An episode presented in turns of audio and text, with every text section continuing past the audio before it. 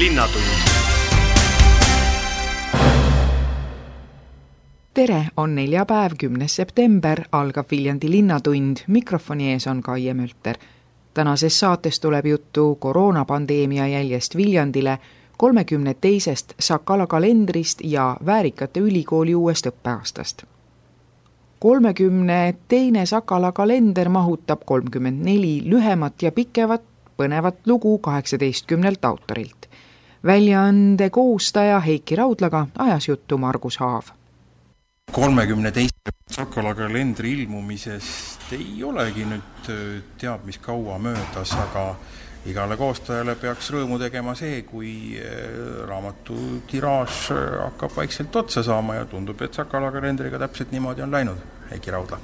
no kas just otsa, aga olen nagu oma käest laiali jaganud enamuse, nii et võib-olla kaks pakikest veel on ja need on siis raamatukauplustes saadaval ja muuseumis ja antikvariaatides et tundub, et äh, läheb hästi ja tagasiside on olnud hea.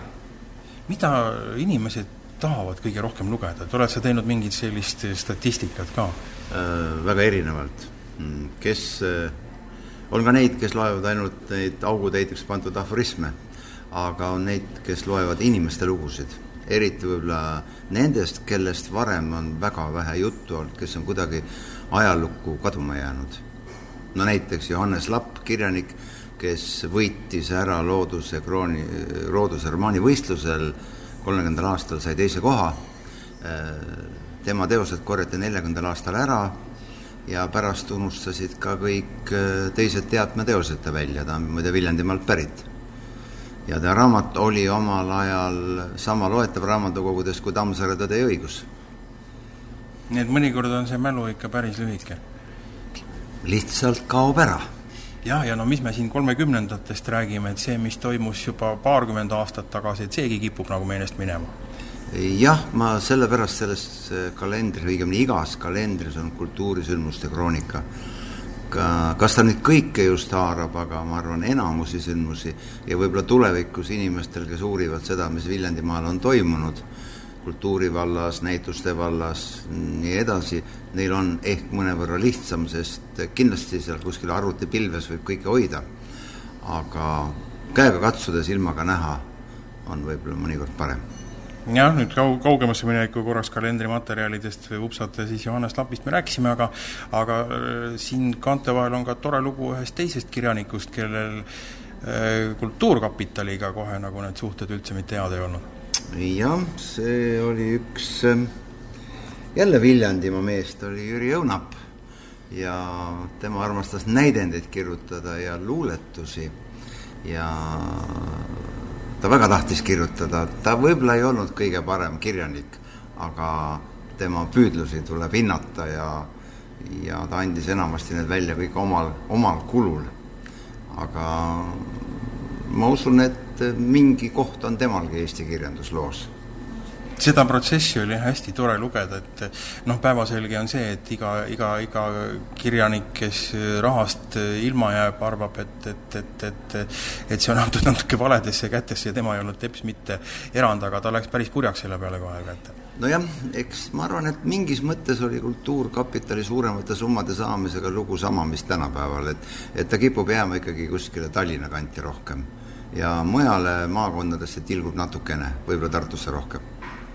Aga see on ikka jälle, ikka ja jälle tore, et süsteem laias laastus noh, kolmekümnendad aastad või kahe tuhande kahekümnendad, et noh, väga polnud seal vahet midagi. Noh, jah, muidugi, kindlasti on ta väga sarnane, noh, tehnika muudab ja võib-olla tempod on teised, aga ega väga palju inimene jääb ju ikka, ikkagi inimeseks ja ja mulle endale meeldis väga kirjutada Charles, ühest, ühest Charles oh, tuleb praegu tere, Svotridis, Svotrits, kes äh, oli Vabadusristi kavaler ja kes siis läks pankrotti siin ja pandi kaheksaks kuuks vangi. ametlikes elulugudes seda ei ole, vanglas abiellus ta ühe ukrainlannaga, tunnistajaks oli äh, üks äh, huvitav mees nagu Leonid Trett, ennem oli ta Tretjakevitš, kes oli vangis jälle selle eest, et olid otsustanud end pruudiga mõlemad maha lasta. pruudi ta küll lasi maha, aga enda maha laskmisega hakkama ei saanud ja pandi vangi ja vangas siis oli tema sellele Šotritsile tunnistajaks. aga hiljem ta vabanes vanglast äh, suhteliselt ruttu ja ta hakkas äh, tõlkima Tammsaart vene keelde.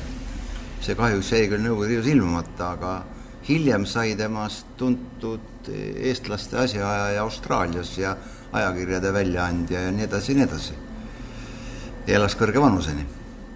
nii et selliseid põnevaid elulugusid, kuigi võiks arvata, et kõik on nagu juba välja tuhnitud, ikkagi leiab veel? ma arvan, et veel, veel sajaks aastaks jätkub seda teha, sest et Viljandimaa on tõepoolest nagu muidugi ka erakordselt rikas nendest tegelastest, kellest kirjutada? Kui vaadata neid kaasautoreid, siis eh, mitte, et nüüd tahaks kuidagi nüüd niimoodi vanuse poolest eh, mingisuguseid järeldusi teha, aga aga sellist nooremat generatsiooni nagu kuidagi vähevõitu on, keda, keda tundub, et sellised põhjalikumad uurimused huvitaksid ja köidaksid ja kes oleks nõus need ära jah, mul on olnud muidugi küll mitmeid õpilaste tööde kokkuvõtteid, kui on olnud hea ajalooõpetaja ja on eh, juhendanud neid, siis neid ma olen hea meelega avaldanud aga võib-olla seekordses kalendris nooremaid kirjutajad on võib-olla jah, niisugused nelja-viiekümneaastased. aga võib-olla õnnestub äh, ajalooõpetajatega nii-öelda diili teha, et äkki, äkki mõned siiski kirjutavad ja, ja mõned on päris, päris huvitavad. ma olen ka leidnud aeg-ajalt Kultuuriakadeemias tehtud uurimistöid ja siis nende kokkuvõtteid avaldanud, nii et noh, selles mõttes Eh, kalendrid on erinevad, kuidas, kuidas parasjagu on pakkumisi, mõni tuleb ise juurde, pakub loo, mõni annab idee, mõni saadab valmis loo lausa ja materjali puudus nagu ei ole, et ma osa lugusid pidin jätma järgmisse kalendrisse. liiga paksuks ei taha ka ajada? jah, siin on nagu mitu probleemi, et eh, see hinna ja, ja paksuse suhe, et noh, et eh, hinda ei saa ju kuigi palju tõsta, raamatupood paneb pool juurde nagunii selle tõttu peab kuskil niimoodi kolmesaja lehekülje piirimail mängima. see on muidugi huvitav jah, et sellised äh, kindla piirkonnaga seotud äh, trükised on näiteks igasuguseid linnade, no mis me nüüd suurematest linnadest räägime, isegi väiksemate külade ja selliste isegi lausa, lausa noh, ütleme veel pisemate asustuste selliseid ajalugusid viimasel ajal koostatakse ja väga mahukaid ja tundub, et neil läheb päris hästi, et eh, kas nüüd just niimoodi üle-eestilistest numbritest, müüginumbritest saab väga rääkida, aga aga kohapealsed inimesed eh, võtavad, ma arvan, selle tiraaži ilusasti lennult ära ja ju ikkagi siis mida, midagi on selles ajaloos, mis, mis, mis, mis, mis peaks nagu inimesi niimoodi erutama või huvitama? jah, näiteks eh, ma just lugesin hiljuti sellist raamatut nagu Mulgimaa ilu ja valu kaks köidet, mis on niisugused ilusad lood Mulgimaaga seoses, väga, väga huvitavalt kirjutatud ja loomulikult ilmus ta läbi mitmete isikute ja institutsioonide toetuste, nii et enamasti need raamatud ikkagi ilmuvad noh, välisraha abil, aga on ka neid, kes annavad oma kulu ja kirjadega välja. no risk muidugi on, jah. ja, ja on ka selliseid tellimuste raamatuid, no näiteks viimane raamat, mis mult nagu telliti, oli, eks ole, Raevas läbi aegade et mis, mis oli väga mahukas töö. ja millel on ka läinud tegelikult väga hästi. noh, ma ei, tulemusi ei tea, sest noh, raamat on nagu linna oma, linn selle müügiga tegeleb ja kinkimise ja kõige muuga, aga aga noh, mõne, mõne kriitika olen saanud, mõne ebatäpsuse, aga seal on nii tohutu palju fakte, et need on paratamatud. et juba allikates võivad olla vead sees jah, allikatega tõepoolest, mul nüüd tuli meelde, kuidas ma Sakalas ilmunud ühte kodulugu tegin, mis puudutas Viljandimaa liiklusõnnetuste ajalugu ja seal ma siis tõin nagu üks-ühele ära mm, kusagil kolmekümnendatel aastatel eh, toimunud liiklusõnnetuse Viljandis, kus olid noh, konkreetsed nimed ära toodud ja eh, üks-ühele väljavõte. ja huvitav oli see, et sellega ma nüüd täiesti tahtmatult tegin nüüd eh, sellele suguvõsale teist korda kuidagi niimoodi piina või haiget, sellepärast et minuga võeti ühendust ja selgus, et juba tolles kolmekümnenda mingisuguse kolmekümne kolmanda aasta Sakalas olid tegelikult sees vead, mida ma nüüd tahtmatult uuesti tiražeerisin küsisin, et noh, võta sa kinni. no eks see on paratamatu, mingil määral on võimalik neid arhiivides kontrollida, aga arhiivides ei ole ka kõiki asju ja ja üldse on keeruline mõnikord saada kätte arhiivimaterjale, kuna toimib isikuandmete kaitse seadus. samal ajal on needsamad sündmused kirjeldatud detailselt ajalehtedest, aga arhiivis on tal piirang peal jah, huvitav on ka see, et äh, tõesti võib-olla selline seitsekümmend aastat tagasi toimunud sündmuste kohta sa leiad andmeid äh, hoopis lihtsamalt kui näiteks kuskil tuhande üheksasaja üheksakümne kaheksandal aastal juhtunud äh, sündmuse kohta. jah, aga õnneks noh, ikkagi sinna midagi leiab, kui eri kohtadest otsida ja mis on huvitav, et et tegelikult äh, tuleb juurde arhivaale kogu aeg ikkagi ja üha enam ka digitaliseeritakse, nii et väga paljusid materjale saab kätte nii, et ei pea koha peale minema, lihtsalt arvuti kaudu tellid, aga sa pead muidugi teadma, mitu lehekülge see on, muidu ei jõua maksta võib-olla nii et ühesõnaga võimalusi veel ja kui nüüd rääkida kolmekümne kolmandamast kalendrist, siis selle ilmumisel tõenäoliselt materjalipuuduse taha asi ei jää? ei, ma arvan, et ei jää ja ma loodan ka mõned intervjuud võtta, sest ma ka selles kalendris võtsin äh, mitu intervjuud, üks oli mehega, kes töötas äh, Uus-Guineas, puuris seal auke päris karmides oludes ja päris põnev oli teha intervjuud Tauno Tuulaga, väga värvika kujuga, kõikidest tema erinevatest etappidest, nii et seda tasub kindlasti lugeda. jällegi lähiajalugu jaa, jällegi lehe ajalugu ja ma arvan, et meie ärimeeste tegevustest tuleb samuti kalendris kirjutada ja ma olen nagu mõõdukalt ja jõukohaselt püüdnud seda teha. selle kalendri üks äh, äh, põnevam lugu minu jaoks oli lugu Otto Lellepist, insenerist, kes sündis Vana-Võidus ja kes jõudis äh, Ameerika aasta isikuni välja, aasta tegelaseni kuna ta tööd metallurgias ja betooni vallas ja nii edasi olid nii tuntud, et äh, tõenäoliselt oli ta kahekümnendatel aastatel vast kõige tuntum eestlane maailmas. igal pool ju tegeldi betooniga, metallurgiaga, ta, tema ahjud töötasid, ta sõitis mööda maailma ringi, juhendas neid ja selle loo kirjutamisel ma pidasin pikka kirjavahetust äh, tema tütrega kes on ligi üheksakümne aastane, Renate Lelev Fernandes, kes aeg-ajalt mulle ka kirjutab, võib-olla eesti keelt oskab vist väga-väga kehvasti, aga midagi ta teab, kasutab Google'i tõlget ja siis niimoodi kirjutab vastu mulle ka.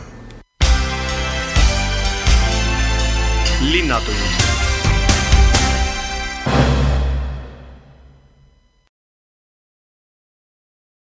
koroonapandeemia jättis oma jälje ka Viljandile kui sügav see on, sellest rääkis Margus Haav, Viljandi linnavalitsuse Turismiameti ja avalike suhete osakonna juhataja Krista Kulliga. Viljandi linna enda traditsioonilistest üritustest jäid näiteks ära traditsioonilised hansapäevad hansapäevade ärajätmine tol ajahetkel oli ainus võimalik variant. Ja loomulikult meil oli sellest kahju, sest maikuus planeeritud ümberjärvejooks, mis ka ära jäi.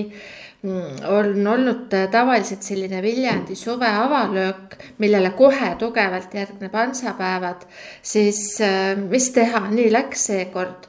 Aga mitte ainult äh, kahju Viljandi kogukonnale, vaid ka seetõttu, et hansapäevade ajal kutsume külla kõik Viljandi sõpruslinnad. Ja meil on neid üheksa sellest üheksast viis-kuus kindlasti alati tulevad. Ja Hansapäevade aegne külaskäik sõpruslinnade esindajate poolt on selline võib-olla üks väheseid äh, põhjalikumaid infovahetusi, sest inimesed on siin mitu päeva kohal meil on aega nendega põhjalikult tegeleda, neile näidata uusi objekte, uusi projekte tutvustada. ja mis seal salata, nii mõnigi lähim sõpruslinn on kaasa võtnud ka oma kultuurikollektiive ja sealt sünnivad siis jälle omavahelised suhted meie kultuuriasutuste ja sõpruslinnade kultuuriettevõtete vahel. nii et seekord jäi see ära, nii kahju kui see ka ei ole ja sealt äh, riburada pidi edasi äh, tulid ärajäämise teated ka meie sõpruslinnades toimuvatest linnapäevadest ja festivalidest kui nüüd jah, siin üht-teist ikkagi õnnestus eh, ära teha, näiteks eh, ümber järve joosti natukene teisel kujul. Eh, Viljandi pärimusmuusika festivali küll ei olnud, aga oli pärimusmuusa, noh midagi ikkagi. siis selles mõttes oli see hästi üllatav, et ma selle peale ei olnud nagu mõelnud.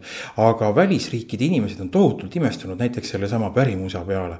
et mis mõttes, et te korraldate festivali, et me ei ole saanud nagu veebruarikuust saadik ühelgi kontserdil käia jah, no nii on, et festivali korraldajad leidsid kohe alternatiivi sellele meie nii-öelda trumpässale, mis linnas on.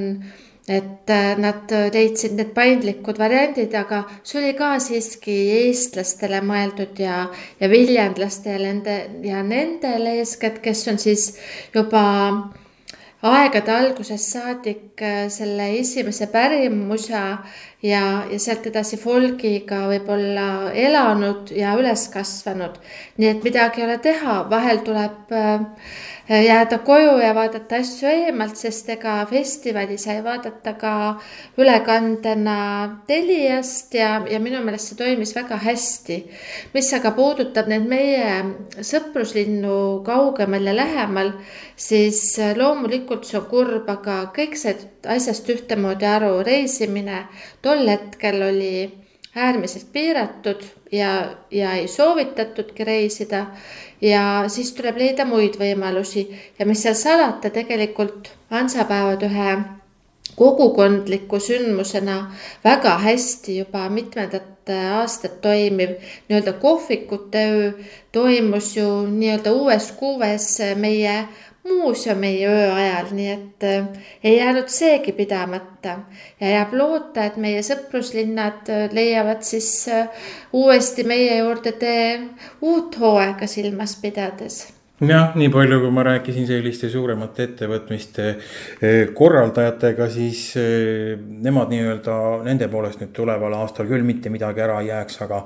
aga noh, kas siin tulevad mingid nüüd korrektiivid, mida kuidagi mõjutada ei saa, seda veel keegi ei tea aga ütleksime selline ärajäänud festival või, või, või spordiüritus, et see ei tähenda ju tegelikult äh, ütleme noh, halba mitte ainult korraldajatele ja fännidele, vaid kogu seda süsteemi tuleb natukene laiemalt vaadata, majutus, toitlustus, kaubandusvõrk lähemalt, et huvitav kui palju näiteks Viljandi linn nüüd selle veidra suvega on, on jäänud, palju on, palju on jäänud tulemata neid inimesi ja palju on jäänud tulemata seda raha, mis oleks võinud eeldada, et jõuab kohale?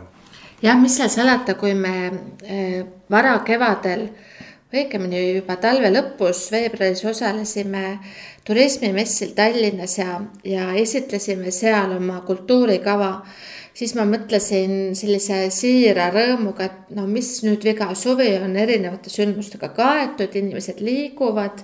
olime plaaninud ka oma nii-öelda siseturismi kampaaniaga jätkata, ula peal kampaaniaga, mida me oleme paar aastat teinud. ja siis vajus see nagu üks õrn kaardimaja kõik kokku mis äh, kindlasti nende suuremate sündmuste ärajäämine andis äh, tagasilöögi, aga ma arvan, et me ei peaks äh, nüüd niivõrd paanikasse sattuma sellest, et meil väga suured rahvamassid jäid tulemata, sest me ei sõltu väga palju välisturust.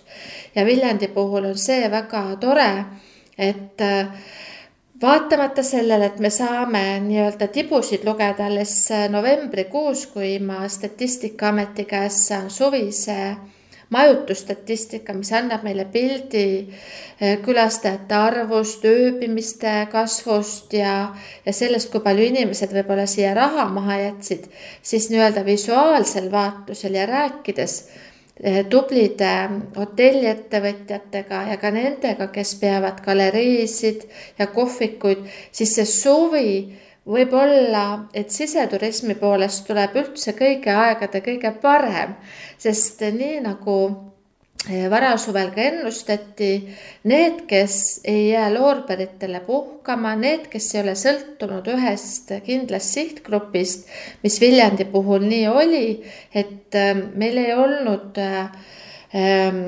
suurt turgu soomlastele kaotada või lätlastele, et eestimaalased võtsid äh, veel rohkem jalad äh, kõhu alt välja ja autod garaažidest ja siia tuli perekonniti.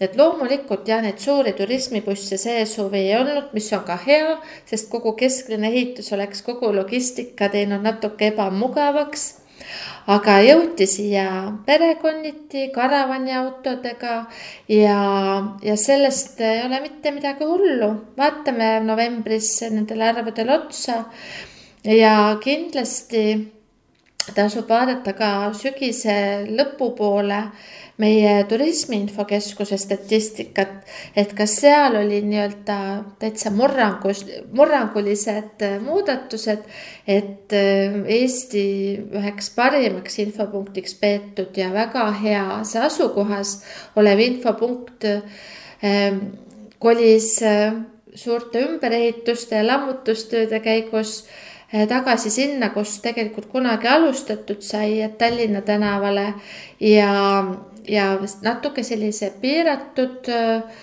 lahtiolekuaegadega. vaatame, kuidas seal see külastatavus oli, aga kuuldavasti ka see koht leiti üles ja just sellised seljakotiga rändajad, perekonnad, nii nagu võib-olla mujalgi Eestis väikelinnades, äh, suure sisuga, aga väikestes linnades.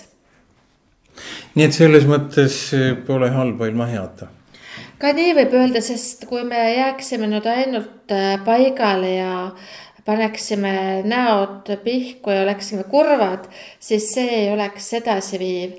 Need, kes äh, on kiired ümberorienteerujad, need saavad ka rasketes oludes hakkama ja tegelikult igasugune koostöö ja infovahetus võib-olla erinevate turismiasjaliste vahel on selle raske aja tõttu paranenud. et ähm, ja, ja, ja Viljandi puhul ma saan ainult olla uhke ja ka võib-olla siin lähiümbruskonnas meil ei ole ükski majutusettevõte ega toitlustusettevõte ennast raskete aegade tõttu kinni pannud. pigem on äh, vaadatud üle oma teenuste kvaliteeti ja nagu öeldud, kevadel said meie maailmatasemel restoranidest maailmatasemel toidu kojukandjad. Ja see toimis väga hästi ja mul on selle üle väga hea meel. Ja ma olen nende väheste väikeste tegijate üle väga uhke. Kuuluks, et äh, parkhotell, millest, millest väga kaugel me siin parasjagu juttu ajame, et, et seal praegu senipidi vabu tubu tu,, vabu tubu vabasid tubasid väga keeruline leida olevat nii on jah, et äh, üks asi on see, et äh, ta on äh, endiselt väga uudne majutusettevõte Viljandi linna uusim hotell väga heas asukohas, siin on kõik vaatamisväärsused ümberringi, õigemini sa eladki nagu vaatamisväärsuste keskel, kõrge kvaliteet. Ja on jah, seal on parklad meie Raekoja ümbrus on ka autosid täis kogu aeg. ja kui nüüd ähm, Hiire tänav, mis äh, külgneb äh, äh, hotelli peasissepääsuga ka tulevikus korda saab, siis on minul selle üle ainult hea meel ja need, kes on olnud tublid, need, kes on pingutanud, need, kes on oma teenused üle vaadanud, need äh, jäävad ka raskel ajal ellu ja need, kes kuidagi eristuvad, on see siis kõrge kvaliteet, külalislahke pererahvas, maitsvad toidud või hea ligipääsetavus ja kättesaadavus äh, internetis, mis on tänapäeval eriti oluline. linnatund linnatunni teises pooles räägib Triin Loide Piret Ausi ja Maia Niiduga Väärikate Ülikooli algavast õppeaastast. ja Linnatund jätkub. stuudios on Piret Aus ja endine keele ja kirjanduse õpetaja Maia Niidu. küsimuse all on Väärikate Ülikool ja selle ärajäämine ning E-klubi. tere tulemast stuudiosse, Piret ja Maia! tere! tervist! Maia, rääkige, te tulite just E-klubist mis asi see on? E-klubi on eakatele mõeldud eh, seltskondlik kokkusaamine. üks kord kuus on olnud kogu aeg, aga nüüd pärast koroonat ei ole mitu kuud olnud ja täna oli siis kokkusaamine. iga kord on üks kutsutud külaline, kes siis mingi teemaga harib meid kõiki seal koos. ja tavaliselt on siis mõeldud ka kas viktoriin või mingid tegevused. nii et seltskonnal on mõeldud kogu aeg, need on päris lõbusad. ja kas sinna võivad kõik huvilised tulla? sinna võivad tulla kõik huvilised, aga üldiselt ega seal ei ole väga noori, on ikka selles mõttes, et pensionäridele e-klubi, see tähendab iseenesest eakate. võib-olla rääkige natuke sellest, et kuidas teil see koroonaviiruse kevad ja suvi ja nüüd siis ka sügis möödunud on? ega see ei ole väga kerge olnud, aga ma olen õnnega koos, sest mul on oma aed ja seal on lõpmata palju tööd. alguses ikkagi harid seda maad ja niidad muru ja kasvuhoonesse külvad seemneid ja pärast muudkui koristad ja koristad teed aga kurke sisse ja nii, nagu praegu on. Piret, rääkige, kuidas teie selle e-klubiga seotud olete? otseselt äh, mitte kuidagi, äh, küll aga olen käinud e-klubis äh, külaliseks ma alguses arva-, kõigepealt kui ma sain teada, et Viljandis on e-klubi, siis ma arvasin, et see on seotud kuidagi nagu IT-valdkonnaga, et e-post ja e-kaubandus ja e-klubi, et väga põnev. aga siis selgus, et tegu on eakatega ja lugu läks veel põnevamaks. Sellepärast, et tegelikult on see sihtgrupp, kellega ma Väärikat ülikoolis igapäevaselt töötan ja toimetan, ja nii on, et need aktiivsed, nagu siin proua Maia ja väga mitmed teisedki, kes käivad seal E-klubis, osalevad ka muudes klubilistes tegevustes, mida pakub Sakala keskus või mida pakub siis äh, meil Tartu Ülikooli Viljandi Kultuuriakadeemia või veel, ma tean, et isegi autobaasid äh, endised töötajad käivad klubilises tegevuses koos ja Viljandis on väga palju ja väga äh, põnevaid ja aktiivseid eakaid ja väärikaid kas proua Maie, kas teie osalete ka selles Väärikate ülikoolis? esimesest korrast peale olen ma seal käinud ja ma ei mäleta, et vist oleks kordagi puudunud, vist ei ole jah, tõesti.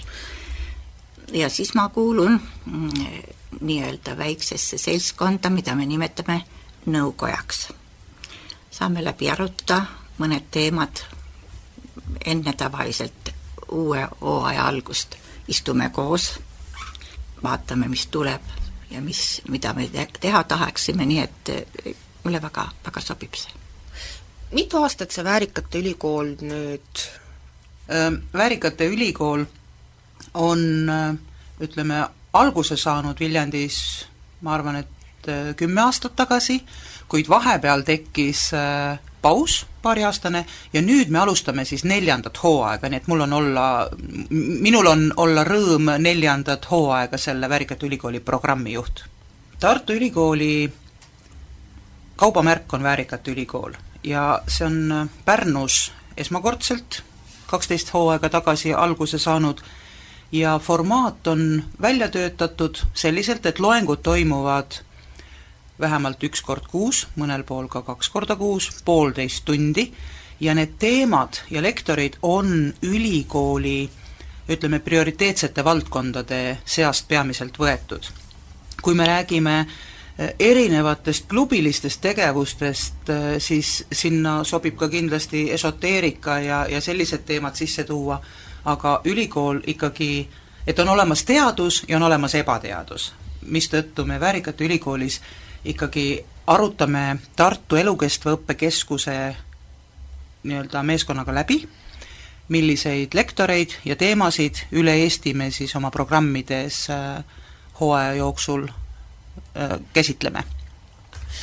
Maia, oskate te öelda, millised loengud on teile kõige rohkem meeldinud?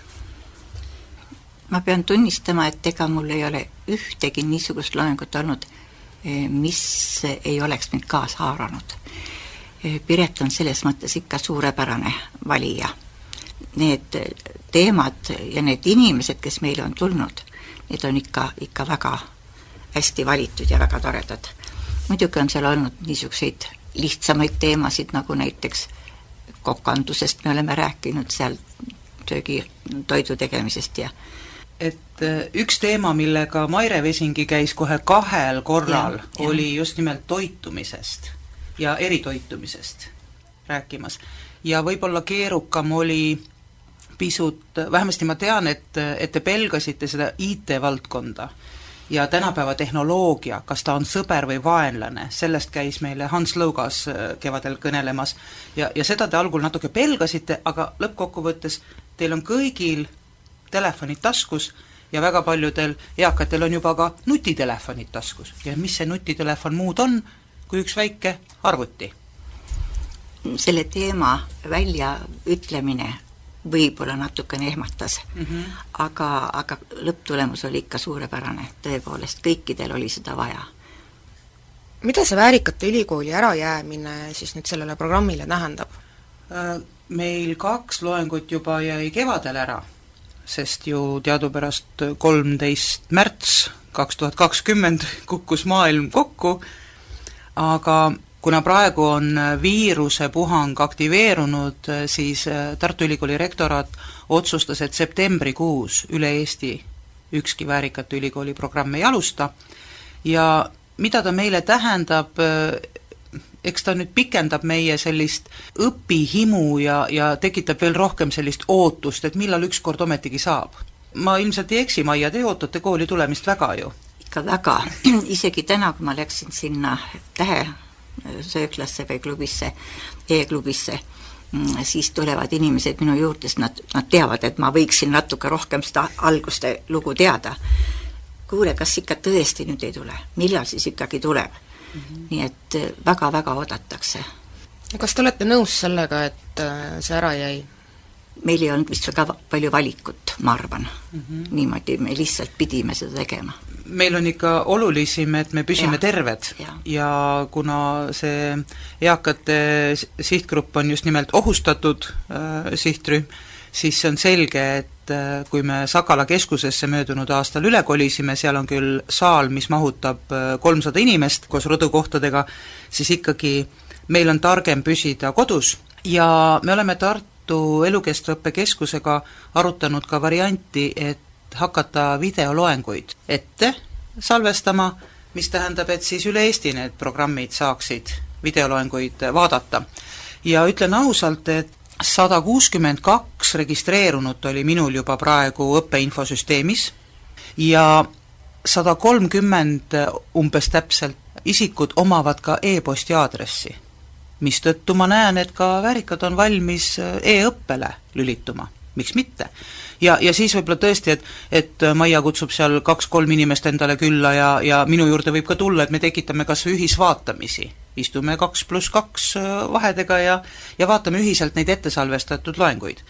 aga ma südamest loodan, et kui kahekümne teisel septembril taas rektoraat äh, koguneb, siis nad otsustavad ja me peame järgima ka Terviseameti juhendeid ja muid valitsus, äh, nii-öelda Vabariigi Valitsuse korraldusi, siis äh, me saaksime alustada kolmapäeval, eranditult kolmapäeval, muidu on meil Väärikate Ülikool teisipäeviti kord kuus, aga nüüd mul on uus kokkulepe kolmapäevaks, seitsmendaks oktoobriks kell kuusteist null null ja esimesse loengusse on lubanud tulla meile Pärnu kolledži sotsiaaltöö õppejõud Valter Parve, kes on ise väärikas eas ja temal on väga intrigeeriv pealkiri oma ettekandele ja kõlab nii, meid on veel vaja. see Väärikate Ülikool ei ole mitte paarkümmend aktiivset ja veidi igavlevat pensionäri, kes kohviku kõrvalt natuke loengut kuulamas käivad, vaid me räägime ikkagi üle saja inimese